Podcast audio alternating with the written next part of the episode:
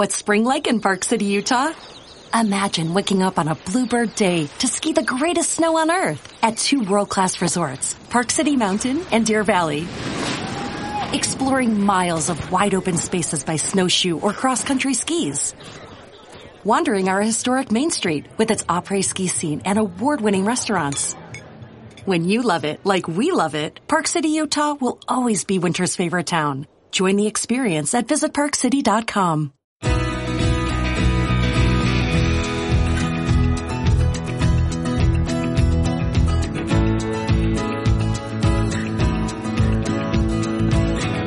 Benvinguts de nou al Valors a l'Alça, una producció de Mataró Ràdio i de la revista Valors per la xarxa de comunicació local. És un programa on analitzem les coses que passen al nostre món des de l'òptica dels valors, de l'ètica, un espai on, sobretot, ens fem moltes preguntes.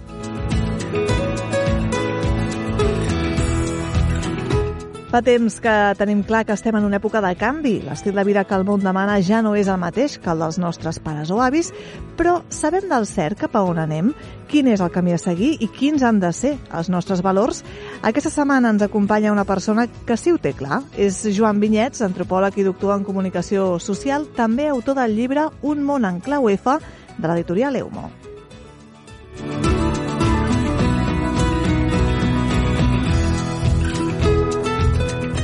Joves amb esperit de voluntari i apassionats de l'educació. Avui descobrirem qui fa possible en Tàndem. És un projecte que ofereix una mentoria a infants que es troben en situació d'exclusió social i de vulnerabilitat.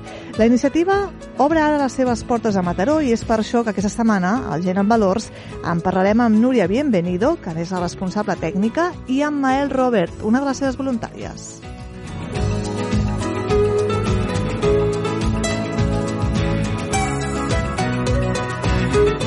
Des d'ara i fins a mitjans d'abril del 2023, el Centre de Cultura i Memòria del Born acollir una exposició gairebé obligatòria que té per títol Un altre fi, la resta. És una mostra sobre art i antifranquisme que descobrirem amb Amanda Cuesta, una de les seves curadores, per conèixer el paper de l'art en la repressió franquista.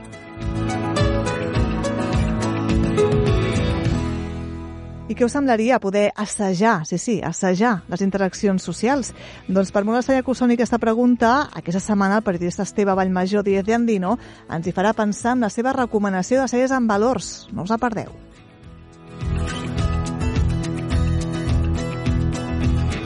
Com sempre, a la direcció del programa Joan Salicru, a la redacció Maria d'Ultramont, a les vies de so Pere Sánchez i a la presentació que us parla, Laura Cera. Comencem!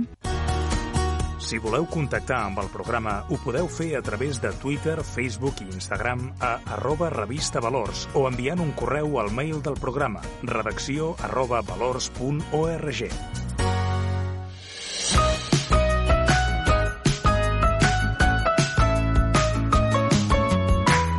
El primer que fem és comentar una notícia de la setmana que ens ha sorprès en clau de valors. Joan Salicru, com estem? Què ens expliques? Bé, Laura, què en tens tu per avorriment? Comencem forts, eh? No saps com pateixo per les teves preguntes, Joan, però bé, avorriment, home, jo et diria que són moments en què no em sento motivada, no? O en què estic fent alguna cosa que no m'omple.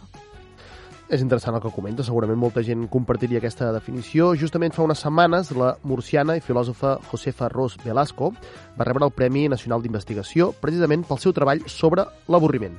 De fet, després de 10 anys investigant sobre aquesta qüestió, la filòsofa està convençuda que l'avorriment és una emoció essencial per l'evolució de la nostra espècie. Així ho explicava fa pocs dies en una entrevista al suplement Idees del diari El País. És entesa com un mecanisme per fer-nos millorar com a societat l'avorriment, eh? Tot i que fa un parell de setmanes comentàvem que el filòsof Byung-Chul Han afirma que en aquesta societat actual la revolució ja no és possible, ara la José Ferrós ens dona un bri d'esperança. L'esperança potser n'hauria no tenir sempre, Joan, però explica'ns com entén José Ferrós l'avorriment. Doncs a diferència del que tu deies abans i que segurament seria molt àmpliament compartit per la nostra audiència, doncs quan deies això de que no tenies motivació per fer cap altra cosa, ell entén que gràcies al malestar que genera l'avorriment, et sents obligat a introduir qualsevol novetat en el teu context per deixar enrere aquest malestar. També és veritat que assegura que no hem de caure en la banalitat de l'avorriment i pensar ara que el fet de no sentir-nos eh, bé doncs ens farà ser creatius. No, no, no és ben bé això, però sí que el fet de tenir aquest malestar t'obliga doncs, a, a avançar-lo. L'expert ha publicat un llibre sobre aquest tema que es diu La enfermedad del aburrimiento, és d'Aliança Editorial, i en aquest volum ens alerta que quan una persona se sent avorrida és incapaç de sentir-se a gust amb aquest malestar. Això fa que de manera instintiva el cervell busqui alguna forma per escapar-se'n. El problema d'aquesta emoció apareix quan no hi ha forma de fugir-ne. Per estudiar amb una escala més pràctica aquest fenomen, la José Farroz va decidir centrar-se en les residències de persones grans. La seva conclusió és que cal un canvi cultural perquè els residents no vegin aquests espais com a llocs previs pràcticament a la mort i l'envelliment perquè els genera més avorriment i més malestar, sobretot quan veuen i entenen que hi ha persones que es dediquen a complaure'ls a fer que estiguin bé.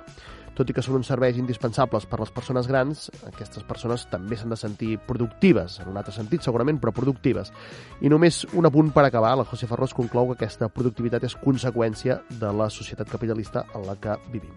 Una reflexió intensa, interessant, sobre l'avorriment, que potser ens fa canviar d'opinió. De fet, aquí a Valors l'Alça hem reflexionat moltes vegades eh, sobre la importància de l'avorriment. Així que, Joan, moltes gràcies i no marxis molt lluny, que hem de seguir endavant.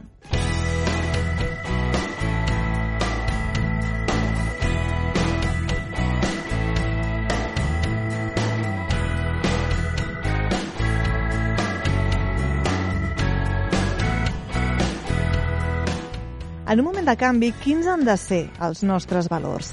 Aquesta setmana a Valors a l'Alça ens acompanya una persona que té una mirada interessant i sobretot esperançadora, que això costa molt de trobar. Però abans, Joan, posa'ns en context.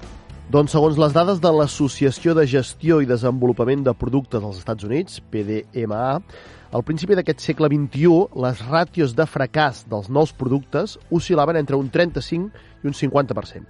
De fet, en molts casos, aquest fracàs és degut a invencions que no corresponen a necessitats reals, sinó que ens cal una comprensió més aproximada del context, un canvi de mirada. De fet, aquest breu context que t'estic explicant l'ha llegit a Un món en clau F, F, Laura, de femení, i és el recent llibre publicat pel nostre convidat, de manera que crec que és moment de donar-li pas. I tant, Joan, moltes gràcies. Saludem, doncs, a Joan Vinyets, que és comunicador social i també autor d'aquest llibre, d'un món en clau F. Joan, benvingut, com està? Hola, bon dia. Molt bé, gràcies. Content d'estar aquí amb vosaltres, amb el vostre espai. Igualment, moltíssimes gràcies. Realment és allò que diem que eh, és el convidat que ens va com anell al dit, eh? perquè parla de valors, parla de reflexionar sobre l'actualitat, així que ens va genial. De fet, ara ho destacava en Joan Salicru, parlem d'un món en clau F, de femení, però és un femení que no té una relació directa ni amb el gènere ni amb el sexe, oi? Ah, exacte. De fet, aquesta és una de les idees principals que apuntem en el llibre, no? És a dir, que per educació ens han fet entendre que hi ha unes maneres de fer pròpies de dones i altres d'homes i que s'ha volgut relacionar amb el sexe o el gènere i el que és evident és que no té res a veure. I jo sempre poso l'exemple no? paradigmàtic de dir si nosaltres veiem la foto de Margaret Thatcher i de Nelson Mandela, evidentment els comportaments els posem totalment oposats. No? O sigui, Nelson Mandela tenia unes maneres de fer que tradicionalment s'han associat més a la dona i, i, i a l'inrevés, no? Per tant, no té res a veure. I de fet, de fet hi ha molts estudis que fins i tot diuen no? que el cervell d'homes i dones, o sigui, és molt més allò que ens uneix que allò que ens fa diferent, no? Només és un petit 3% i, i res més. Per tant, és un tema d'educació, de, principalment. Mm -hmm. Que llavors tampoc hem d'entendre la identitat masculina i la femenina com a oposades, sinó com a valors complementaris, no? Ah, exacte. Aquesta és la idea, la, la, la idea força, no?, del llibre.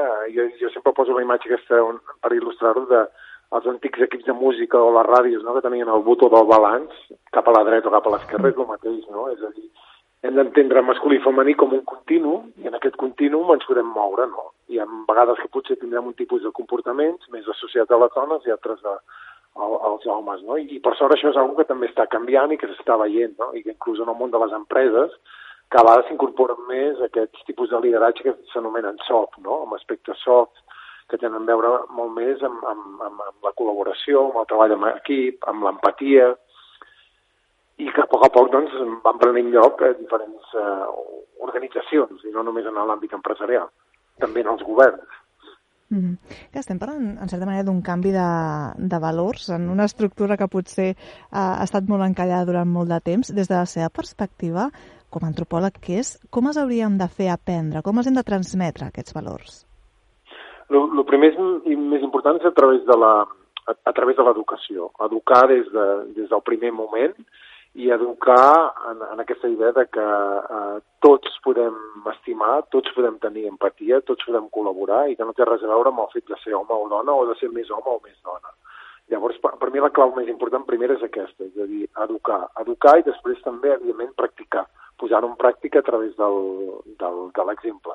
I això vol dir, i en aquest sentit ja s'està començant a avançar, per exemple, en temes eh, tradicionalment associats no, a la dona com la maternitat, doncs que tant homes i dones puguin, puguin gaudir d'aquest permís de maternitat, d'aquesta criança dels fills, d'aquesta educació, no? I fins i tot en aquest sentit crec que és interessant destacar que Suècia, que és un dels països més avançats, no, on els pares poden gaudir d'aquest permís per estar a casa cuidant i, i criant els fills, doncs hi comencen a haver estudis que s'ha demostrat que els homes que s'han passat tots els mesos del permís de maternitat a casa criant els fills, quan arriben a la feina són millors empleats i en el cas de que siguin caps o jefes són millors jefes, millors uh, managers. Per què? Perquè han, ha, ha, après, han, han après a empatitzar, empatitzar amb els nens, entendre'ls quan encara no saben parlar. Per tant, eh, diguem que això els ha ajudat a millorar. -hmm. I creu que per part de la societat hi ha interès en entendre això que estem comentant, que la feminitat no va lligada al gènere sinó a la cultura? Jo crec que ens trobem en una societat una miqueta bipolaritzada, no? És a dir, d'una banda, cada vegada hi ha més publicacions que parlen sobre la nova masculinitat, la nova manera de ser home, i d'altra banda també estem veient al mateix temps que consisteixen discursos cada vegada més extremistes i en aquest sentit l'emergència de l'extrema dreta doncs fa bandera precisament de, de determinats comportaments masclistes. No? Però al mateix temps eh, sóc optimista perquè veig que hi ha, és molt més els avançaments que estem fent que no pas, diguem, els retrocessos que per part d'alguns grups eh, existeixen. No?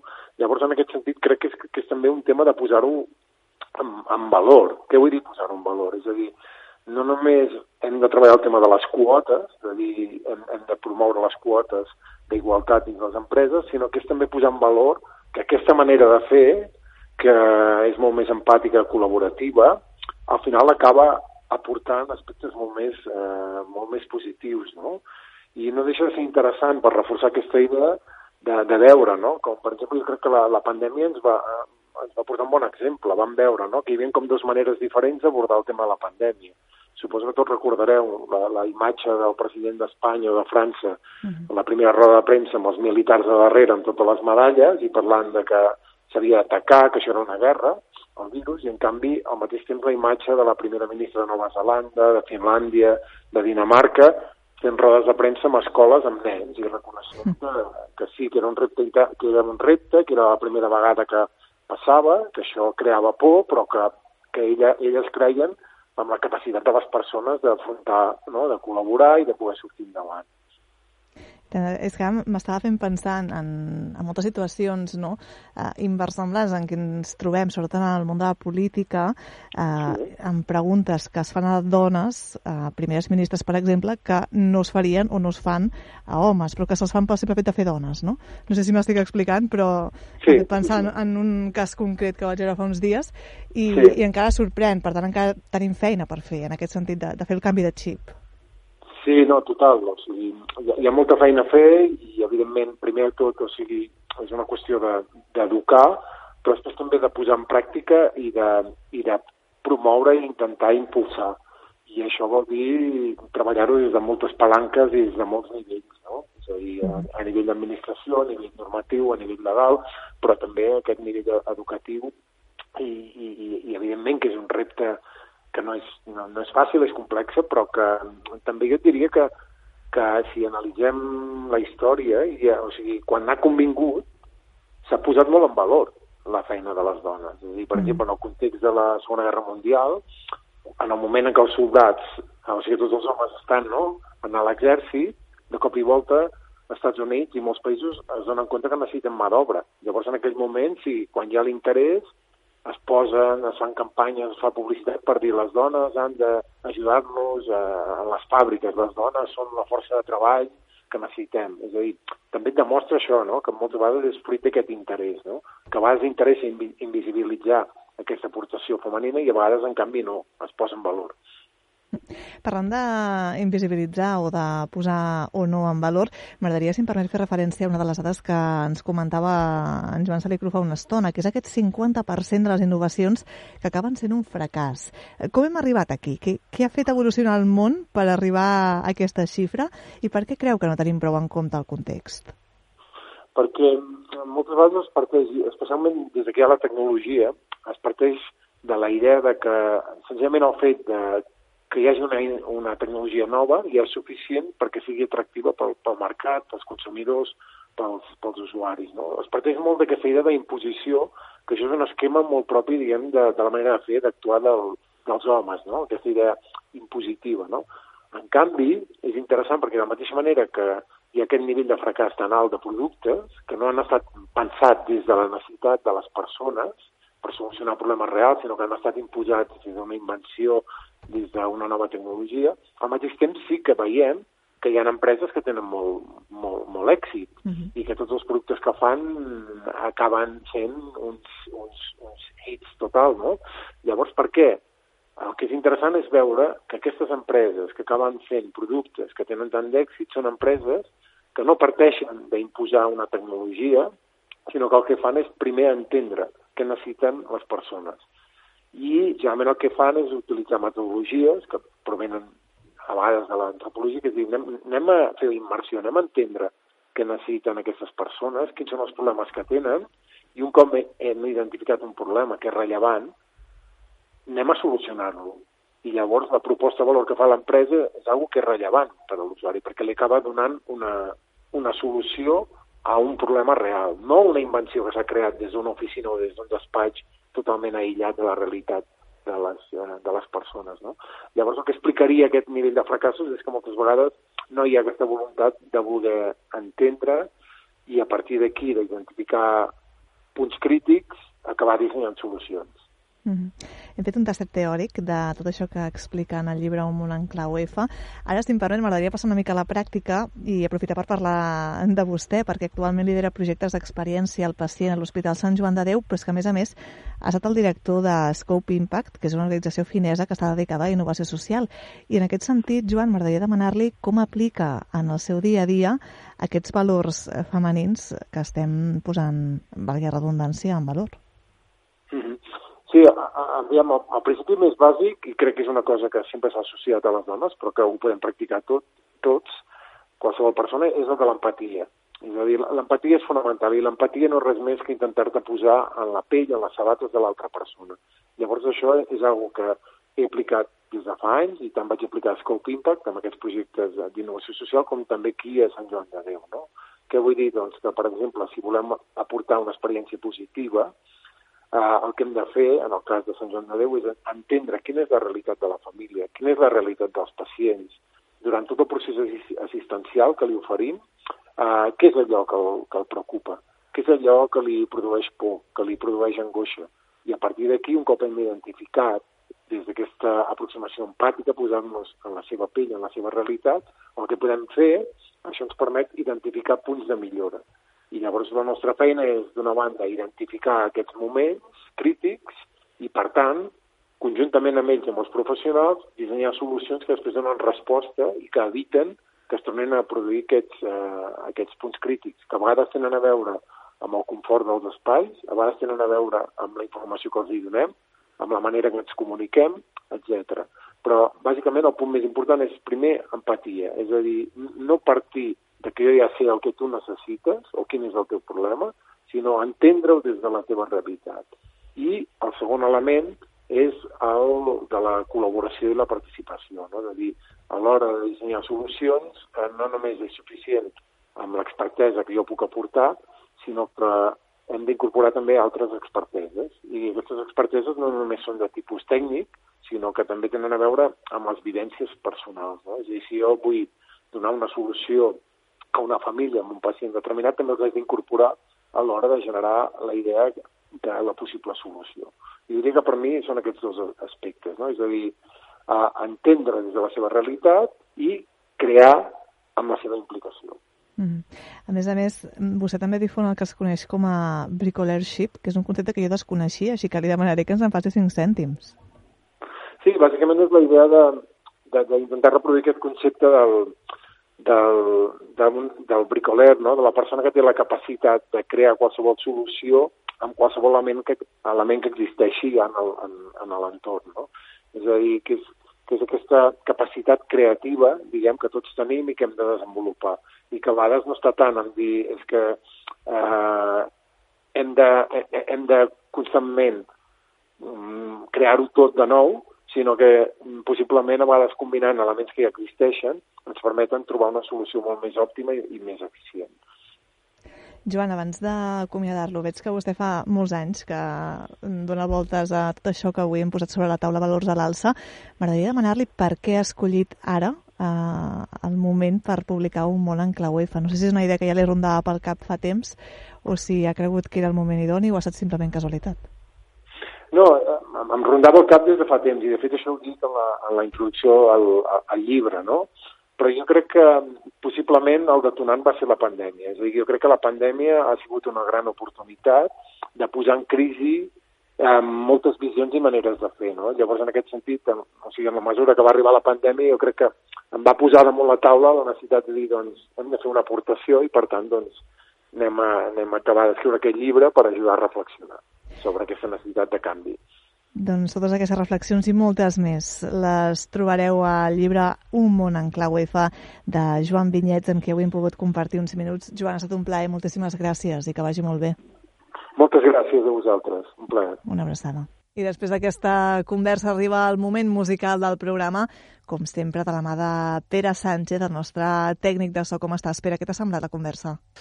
Molt interessant, perquè el món de la música està en constant canvi i el món de la música, des de fa un temps hi ha una fervor per, per fer paritat en, els, en alguns festivals i tal, que està bé que no caldria fer, no? Eh, I bé... Eh, Clar, el problema és quan es força aquesta paritat en lloc de mirar la qualitat, no? Sí. Que, I que naturalment ja surti sola. Jo, per sort, en el podcast que faig de música, eh, al Radio Cassete, i em faig autobombo... Molt ben eh, colat. Sí, sí. Eh, sempre eh, anem posant cançons i a vegades ens fixem, sense adonar-nos, que això diu molt bé de nosaltres, de tant mi com l'Ilra, el meu company, que a vegades tenim un programa que són tot noies o el 80% i no ho hem fet aposta. I això és bo. Per què? Perquè ens interessa la música que hi ha i la qualitat d'elles. I a vegades descartem músiques de noies que són tremendament dolentes i diem això no ho posarem perquè primer no ens agrada i després creiem que no. Però en general la qualitat i la qualitat a Catalunya és espectacular. Tenim un grapat de, de gent boníssima que, que està molt bé i la sensibilitat i els matisos que pot eh, oferir una dona al món de la música jo crec que a vegades són més més rics que, que el que pot ser un home, no? Però ja això cadascú amb les seves sensibilitats com a persona, ja no com a gènere. Per tant, dedueixo, Pere, que avui has escollit una cantautora catalana. Sí, eh, catalana d'origen irlandès, bueno, el seu pare és irlandès, és la Núria Graham, i la Núria Graham és aquest exemple de, de constant canvi, constant evolució en la seva música, perquè comença sent el típic eh, veu femenina aguda amb una guitarra arpejada i fent de cantautor típic, eh, el que fa ara que l'últim disc que està preparant és, per lo que hem intuït de que hem anat escoltant, és molt diferent a el que ha fet fins ara i això diu molt d'ella perquè s'ha autoproduït. És una tia que és un coco amb la música, que sap tocar molt, està molt boja, que ho vas veient a les històries de l'Instagram, no? que t'apropa a, la, a la seva vida, però després té una cura a l'hora de gravar discos i tal, que, que, a mi m'encanta. I què escoltarem d'ella? Mira, escoltarem l'últim EP que va publicar, que va publicar dos cançons en un vinil de 7 polzades, que el tinc a casa molt meravellosament, després d'editar el seu últim disc llarg, que és el Marjorie, que era un disc que estava molt bé, que parlava molt del seu passat, però no passat d'ella, sinó passat familiar, no? Del, del seu origen. I estava molt bé. I això era com alguna cosa que es va quedar suelta i el tema es diu At Last i està molt bé. Doncs vinga, va, som-hi. Pues vale.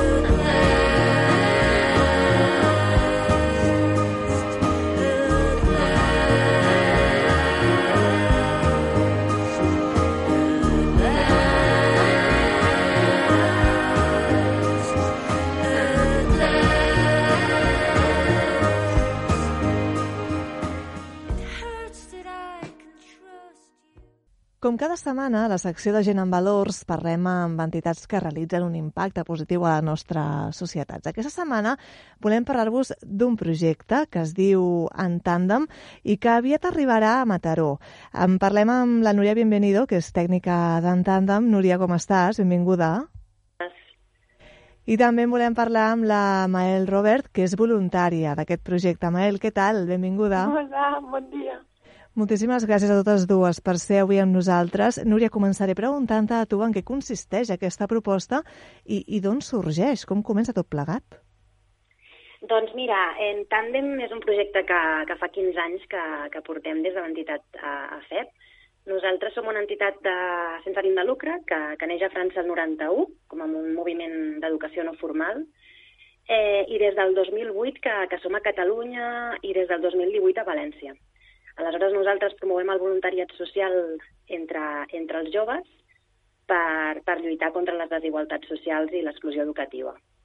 I com es fa Aleshores, això? doncs ho fem a partir de, de la metodologia de la mentoria, la mentoria social i educativa. Uh -huh. Uh, el projecte en si consisteix en que un jove voluntari de referent a un infant o adolescent en una situació de, que estigui en una situació difícil personal o social i aquest acompanyament es fa durant dues hores a, a la setmana durant tot el curs escolar.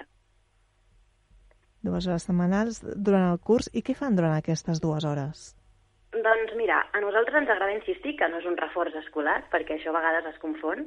Em, aleshores, durant aquestes dues hores el que in- s'intenta és això, no? treballar eh, amb, amb l'objectiu de treballar eh, amb el, el desenvolupament integral del, de l'infant o, o jove. No? I com ho fem? Doncs a partir de l'educació no formal. És a dir, a partir d'activitats diverses, com pot ser eh, parlar simplement, passejar, eh, compartir una lectura junts, a jugar a jocs de taula, per exemple, fer esport, eh, fer diferents activitats eh, que ajudin a, a l'infant o jove a créixer, no? a, a, a aconseguir aquest desenvolupament integral. A l'inici és molt important que tant el mentor com el mentorat es coneguin i agafin un vincle fort eh, perquè es coneguin i a partir d'aquí veure què és el que poden treballar conjuntament. Eh, veure quins objectius volen aconseguir junts i, i aleshores la persona tècnica que hi ha al darrere eh, els ajuda a aconseguir aquests objectius donant-los consells, orientant-los, donant-los idees de coses que poden anar fent. Mhm. De fet, Núria, ens acompanya la Mael, com dèiem, que és una d'aquestes voluntàries, una d'aquestes joves que fa de mentora a, a un nen o nena. Mael, eh, cuéntanos un poco cuál es tu, tu, tu tarea, qué es lo que tú haces con, con el niño o la niña de quien eres mentora. Bueno, creo que la idea es, es bueno, de pasar tiempo juntos, ¿no? De, de disfrutarlo, de encontrar algo que puede gustar a los dos. Y como lo dijo Nuria, como no es refuerzo escolar, la idea es de, de desarrollar una relación que sea muy de entre dos personas y no como de poner un marco muy estricto o algo así. Y y sí, hicimos de todo, creo, pero, pero la, la parte más importante era más de, de crear un vínculo entre nosotros y de ver qué nos apetecemos de hacer. ¿no? ¿Por qué te apuntaste, Mael, tú a, a ser voluntaria de En Tandem? Sí, me, me apunté porque vine por un intercambio y quería hacer algo al lado y ya había como trabajado con niños y jóvenes y me, me sí, creo que me llamó la atención la idea de mentoría y, y vi que era algo que quería hacer y ya está. ¿Por, qué crees que es importante que estos jóvenes tengan un referente como vosotros? Mm, Bueno, creo que es importante también que tengan alguien que no sea ni la escuela ni los padres y que pueden desarrollarse en otros como otros espacios, ¿no? Que pueden ver un poco que les gustan, que pueden expresarse como una persona diferente y, sí, para mí hace sentido porque también eh, sí es una relación de, de, de parejas de tándem, somos dos y, y hay un como un respeto y un interés mutual. Y en un principio supongo, Mael, que es importante para, para estos niños y niñas, pero también vosotros los mentores supongo que salís enriquecidos de esta experiencia, ¿no? Sí, claro, sí, claro. Y también yo no pensaba que, que a lo largo de la semana podía cambiar tanto, ¿no? O sea, que encuentras una persona una vez y te da una imagen de, de quién, quién es, pero al final cam- cambia mucho y cambiamos mucho en general. Al final es lo que decíais tanto tú como Nuria, ¿no? Que se tiene que crear un vínculo y eso implica ir conociendo a la otra persona. Sí, eso es. Mael, moltes gràcies per, per la teva experiència. No marxis. Núria, ara parlàvem d'aquest enriquiment que suposa no només pels mentors, ah, és a dir, no només pels nens i nenes, sinó també pels mentors, no? Totalment, sí, sí. De fet, diem que és una experiència que és bona per, per les dues parts. Vull dir, diem que això, no?, que, so- que he d'aprendre coses noves, a vegades per part de les dues parts, i créixer junts. És un acompanyament i van els dos agafats de la mà. Uh -huh. I, I anar fent camí. De fet, ara, Núria, esteu fent crida de voluntaris, de gent com la Mael, que s'animin a, a ser mentors. Què, què han de tenir o què han de complir com a requisits? Sí, això mateix. Aquest any estem supercontents perquè iniciem el, el projecte en tàndem aquí a Mataró i, i això, estem amb la, amb la recerca de, de voluntaris i voluntàries. Uh, mira, nosaltres el requisit que demanem és que siguin joves d'entre 18 a 32 anys. Bus- diem aquesta franja i marquem aquesta franja perquè creiem que és molt important que, que siguin joves perquè els infants o joves amb els que acompanyem es puguin emmirallar no? a, amb els seus mentors i mentores i que els seus mentors i mentores pues això, eh, faci ben poc que han passat pel que passaran ara eh, als infants o joves que acompanyaran. Aleshores, doncs, els poden aconsellar i orientar d'una manera més pròxima eh, i seran, doncs, això, més propers i no els veuran, com deia la Mael, no, no els veuran ni com els pares ni com els mestres, sinó que els veuran pues, com aquell cosí gran, aquell amic gran, amic gran que et pot eh, aconsellar. Aleshores, doncs, els demanem bàsicament compromís, no?, perquè el, el projecte és, dura un curs escolar, Mhm. o sigui, seria d'ara uh, fins al maig-juny, dues hores a la setmana, que tinguin iniciativa, empatia uh, i també capacitat d'adaptació, no? D'adaptar-se en qualsevol situació que es puguin trobar. És a dir, que potser intentem que, que això, que siguin els matchings que li diem, no? que els emparellaments siguin doncs això, el, el, el, els més rics possibles, uh, però potser es, trobaran en situacions noves que, amb les que s'hauran d'adaptar i, i, i, però això, per això hi ha una persona tècnica al darrere que els ajuda en tot moment i que, i que els orienta, o sigui que no hi ha cap problema. Que no estan sols, no?, davant de, de l'experiència. Totalment. Núria, com és que heu decidit impulsar, obrir el projecte també a Mataró ara? Perquè a nosaltres el que realment ens agrada doncs, és això, no? arribar, que la mentoria arribi com, com més lluny millor, que creiem molt amb aquesta metodologia. Hem tingut l'oportunitat que el Departament d'Ensenyament eh, doncs això, no? ha impulsat a partir de, de la mesura 5 de, del PEMO i ha impulsat això, no? projectes de mentoria més enllà de, de, bueno, arreu de Catalunya. Uh, I aleshores, doncs això, uh, conjuntament amb l'Ajuntament, amb els padrons educatius d'entorn, doncs ens ha donat l'oportunitat de, de poder començar el projecte aquí a Mataró. Si algú que ens està escoltant i té entre 18 i 32 anys pensa, ostres, m'agradaria provar-ho, no? m'agradaria formar part d'aquest projecte, en aquest cas a Mataró, per exemple, uh, què, què ha de fer? Com s'ha de posar en contacte amb vosaltres i, i què s'ha de preparar? Doncs, bàsicament, nosaltres el que estem fent ara és una sessió informativa.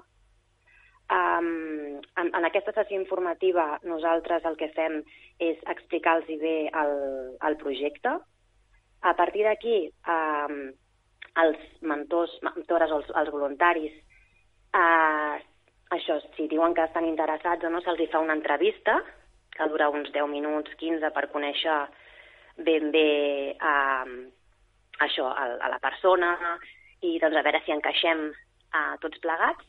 I a partir d'aquí uh, s'ha d'inscriure i uh, s'apunten a fer una petita formació.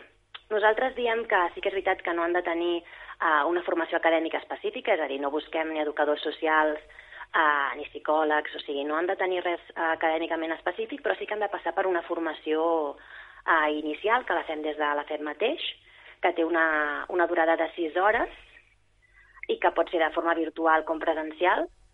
Um, I això, una mica doncs, per saber el que faran, com ho han de fer, i per ori- orientar-los, donar-los recursos, eines.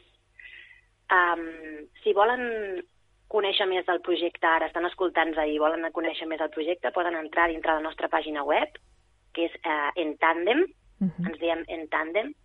La nostra entitat és AFEB, A-F-E, B baixa, i si volen contactar així més eh, això, no? Eh, concretament, doncs contactar en el correu electrònic de voluntariat arroba afet.org. Perfecte, doncs queda anotat el que han de fer aquelles persones que vulguin pre presentar-se com a mentores en aquest projecte. En tandem, uh, Núria Mael, acabaré preguntant-vos una mica, uh, demanant-vos una mica un missatge ràpid, breu, per a aquelles persones que s'ho estiguin pensant. Mael, tu com a mentora, ¿qué, qué aconsejarías a los jóvenes que se estén planteando ser voluntarios en, en el proyecto? Bueno, creo que de lle- llegar como con mente abierta y ideas de, ¿no? y de, pensar también a lo que lo que queremos como nos en- encontrar y lo que nos gustaría hacer con esta persona y de no sé de pensarlo como una relación de amistad Eh, cl- claro que con, con algunos marcos que, son diferentes, pero, pero de llegar ahí también sen- y sentirse, sí, iba a decir como una relación de amistad con ideas y ganas de, de aprender algo. Doncs ment oberta i ganes de fer i d'aprendre. Núria, hi coincideixes? Totalment, i, i un aprenentatge. I un aprenentatge. Una, I afegiria un aprenentatge, sí. Sí, Doncs sí, totalment. queda claríssima l'essència d'aquest projecte en tàndem que arriba ara a Mataró i que el que vol és teixir vincles entre joves, en part també per acabar, per exemple, amb l'abandonament escolar prematur. Hem volgut parlar amb la Núria Bienvenido, que és tècnica del projecte, i amb la Mael Robert, que n'és voluntària. Núria, Mael, un plaer haver compartit aquesta estona amb vosaltres. Moltíssimes gràcies. Gràcies a vosaltres. Una abraçada.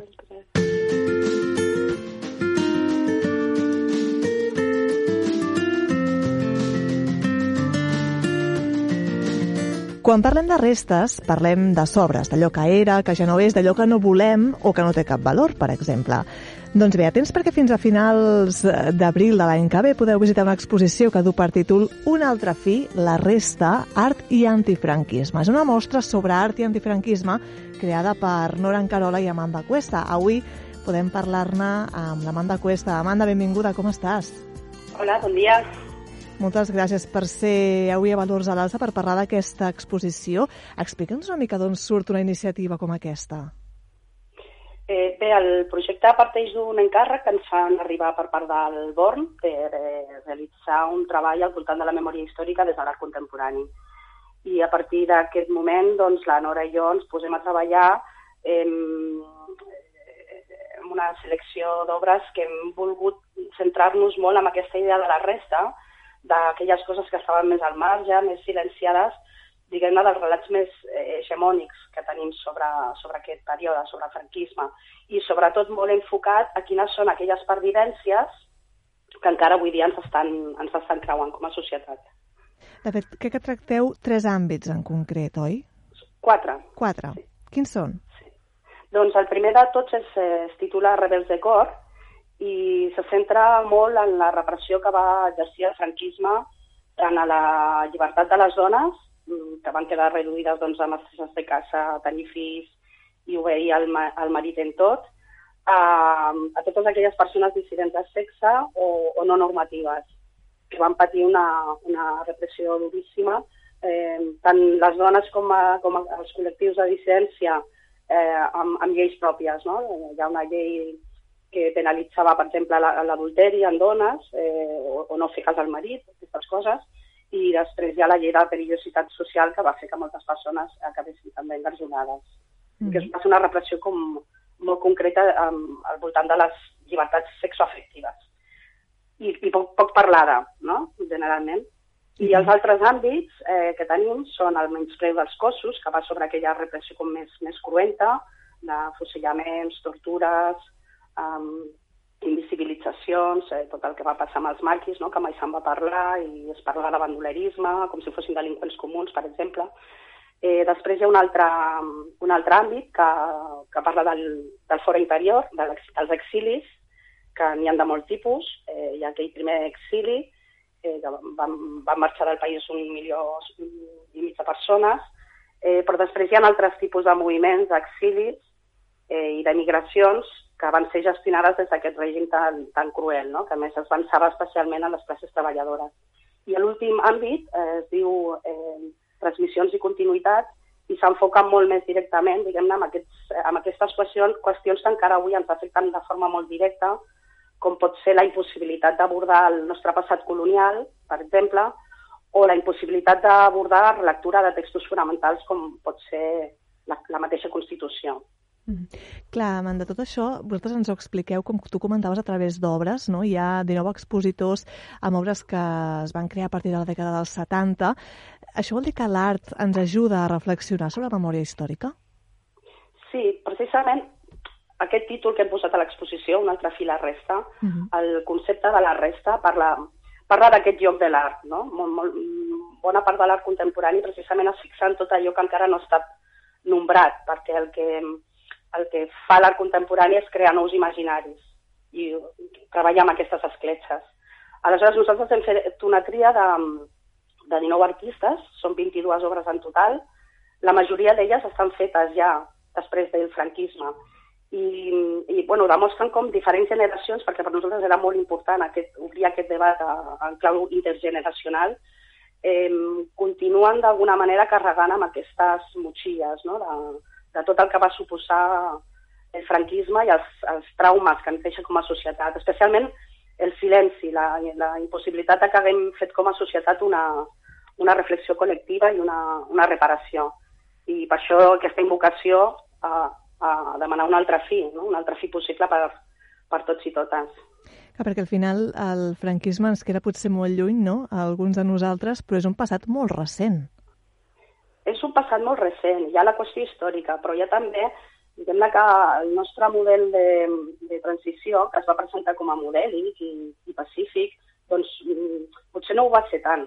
Hi ha, hi ha molts estudis recents, eh, la historiografia ho està treballant amb molta profunditat per desmentir algun d'aquests tòpics, però realment en, en el nostre país, a diferència d'altres que han viscut eh, doncs, eh, governs feixistes, amb genocidis, amb, amb, amb vulneració fla, flagrant als drets humans, sí que han fet un procés com a societat de, de reparació i sobretot de parlar-ne. I això és el que a nosaltres no ens ha passat fins ara. Mm. De fet, deies, Amanda, que una mica la voluntat de l'exposició, entre altres coses, és generar debat, generar reflexió i, a més a més, a nivell interge intergeneracional. Eh, I això jo crec que serà molt més fàcil amb les visites guiades no?, que comenceu a fer d'aquí a molt poc, tot i que dèiem que fins a mitjans d'abril, que jo abans he dit finals, però fins a mitjans d'abril de 2023 sí. es pot visitar aquesta exposició. Eh, les visites guiades, imagino que és una mica com si ens donéssiu la mà i ens acompanyéssiu no?, a fer aquesta reflexió. Sí, sí, el, el Born compta amb un equip eh, que faran una de les visites guiades habituals a l'exposició i també hi ha algunes dates previstes en què tant la Nora Encarola, que és l'altra curadora com jo, -huh. eh, farem aquestes, aquests acompanyaments. eh, tota la informació relativa no només a les visites guiades, sinó a tot el programa d'activitats que, hem- que estarem desplegant al llarg d'aquests mesos fins al 16 d'abril, que acaba l'exposició, es pot consultar a la mateixa web del, del, del BORN, del Centre de Cultura i Memòria eh, Històrica del BORN, eh, i allà podeu trobar tota la informació referent a inscripcions i demés. Ara ho comentaves, eh? hi ha altres activitats. A banda d'aquestes visites guiades, hi haurà activitats, per exemple, eh, relacionades amb el cinema o amb les arts escèniques. No sé si ens en pots destacar alguna. Bueno, es fa difícil destacar. El que És- hem és difícil, desplegar... ja. Sí, es fa difícil, sí, per no fer greuges. El, el, el, que hem, el que hem intentat és eh, alguns temes que ens semblaven molt rellevants, precisament per això que parlàvem de les pervivències, perquè són qüestions que ens afecten moltíssim ara mateix, en el present. Eh, doncs els hem volgut desplegar mm, amb una mica més d'acompanyament i sobretot eh, incorporant altres veus que ens semblaven molt rellevants. Aleshores, per exemple, eh, començarem el, el, el, el dia 1 de desembre, tenim una activitat eh, que conduirà una de les artistes, la Dora Garcia, amb les dones, amb algunes de les dones que van participar del projecte editorial La Sal, que va ser la primera editorial feminista després de la dictadura, i, i bueno, creiem, per exemple, que era molt important fer aquest reconeixement no? amb aquestes eh, mm, dones que en, un moment, in- inclús encara, encara sense haver mort el dictador, ja estaven um, reivindicant drets fonamentals eh, de forma valenta. Amanda, quan estàveu seleccionant les obres i, i els artistes i estàveu dividint l'exposició en aquests quatre àmbits que ens comentaves a l'inici de la conversa, eh, com, com estàveu vosaltres? Perquè suposo que en certa manera això deu remoure una mica, no? Sí, sí, efectivament. Eh, eh, són, són temes durs. A mi, per exemple, em va colpir molt eh, el, els testimonis de les dones que van patir repressió per part del patronat de la dona, perquè en, aquell, en, els, en aquells moments que van ingressar, diguem-ne, dintre d'aquesta institució tan perversa, eren adolescents, eh, no, no, sense cap, van ingressar ja sense cap mena d'ordre judicial, de cap tipus, ni, ni cap garantia, no, diguem-ne, dels seus, dels seus drets, eh, eren menors, i, i a més és que aquesta institució va, va perviure molts anys, va, va, no, no es va liquidar fins a l'any 84. I, clar, això, això resitua molt les coses, no? Vull dir, perquè fem aquest relat no, de la transició que comença el 78, però és que moltes coses eh, doncs no, no van canviar realment, no? I parlem d'aquestes institucions tan fosques, però podem parlar, podríem parlar de moltes altres, no? Els cossos de seguretat, de l'Estat, pre presons, etc. Eh, crec que t'he contestat, no? Una Sí, mica. i tant, i tant, totalment. De fet, Amanda, abans de, abans d'acomiadar-te, volia que m'ajudessis una mica a fer una llista dels valors que posa sobre la taula aquesta exposició que heu creat amb, amb la Nora Encarola. Jo m'he anat apuntant alguns, com per exemple la memòria o la memòria històrica, també la reflexió. No sé si estàs d'acord i, i quins hi afegiries. Doncs um, la, la, les dissidències, eh, totes aquelles dissidències que han lluitat per les llibertats, i, i, que són les polítiques, evidentment, però també són les, les, les civils, no? les de, eh, de poder conduir la vida pròpia sense cap ingerència de cap, de cap mena. No? Que és això que parlàvem d'aquestes repressions no? tant en, en la clau biopolítica, no? de com t'has de comportar, com t'has de vestir, com... Això, és, això és molt greu. I malauradament, eh, encara hi ha eh, col·lectius i lobbies i grups de pressió en el nostre país que miren de ficar el nas, diguem-ne, a la vida privada d'altres persones. No? Aquest és un tema que crec que hauríem de fer una reflexió molt a fons i no, no, no s'hauria de permetre, vaja. Doncs queda anotat. Avui hem fet un petit tastet radiofònic del que podreu veure fins al 16 d'abril del 2023 al Centre de Cultura i Memòria del Born. És l'exposició Un altre fi, la resta, art i antifranquisme, i n'hem pogut parlar amb una de les seves curadores, la Amanda Cuesta. Amanda, moltíssimes gràcies per compartir aquesta estona amb nosaltres i per aquestes reflexions. Gràcies a vosaltres. Fins una altra. Fins una altra.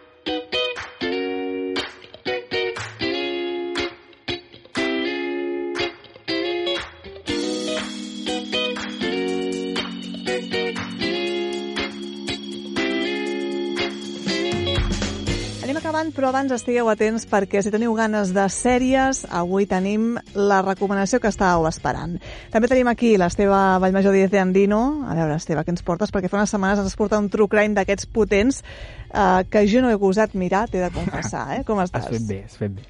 Avui baixarem la intensitat i torno amb una de les meves preguntes, Laura, que feia temps que no, que no et llançava, i és què et semblaria si a partir d'ara tota interacció, decisió o comentari que hagis de fer abans de fer-lo poguessis assajar-lo.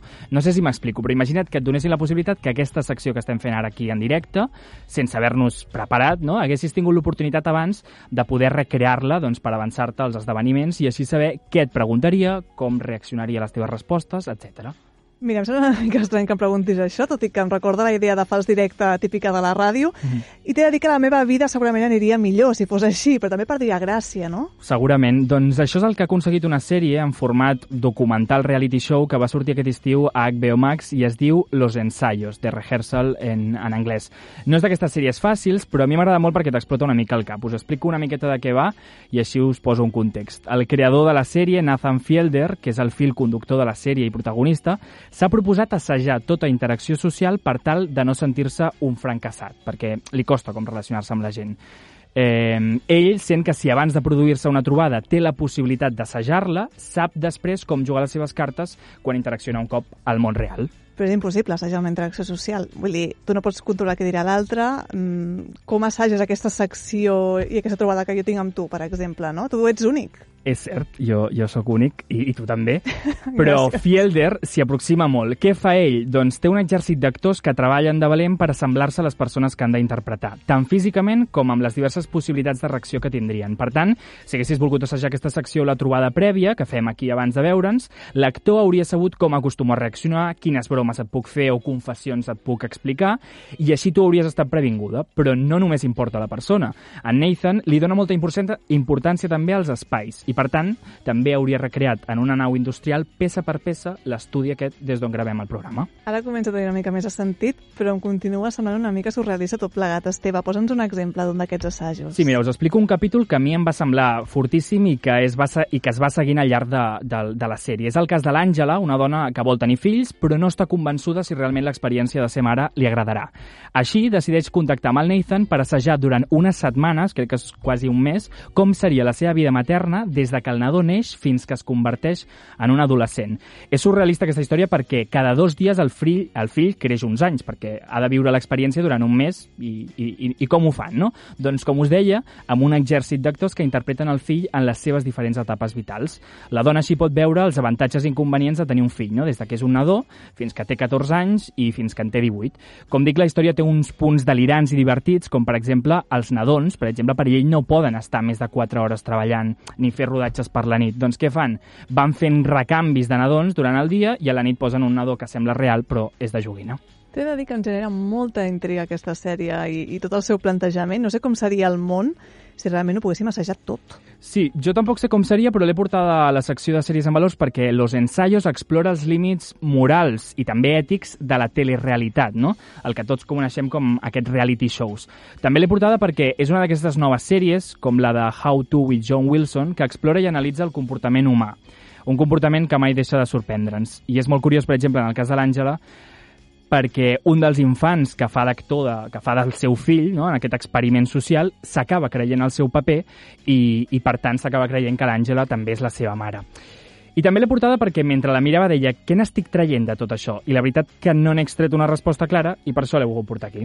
Doncs va, directe cap a la llibertat de recomanacions, Los Ensayos de Rehearsals de HBO Max, la trobareu. És una sèrie que també ens farà pensar i ens generarà molts dubtes. Esteve, moltíssimes gràcies i fins la propera. Fins la propera.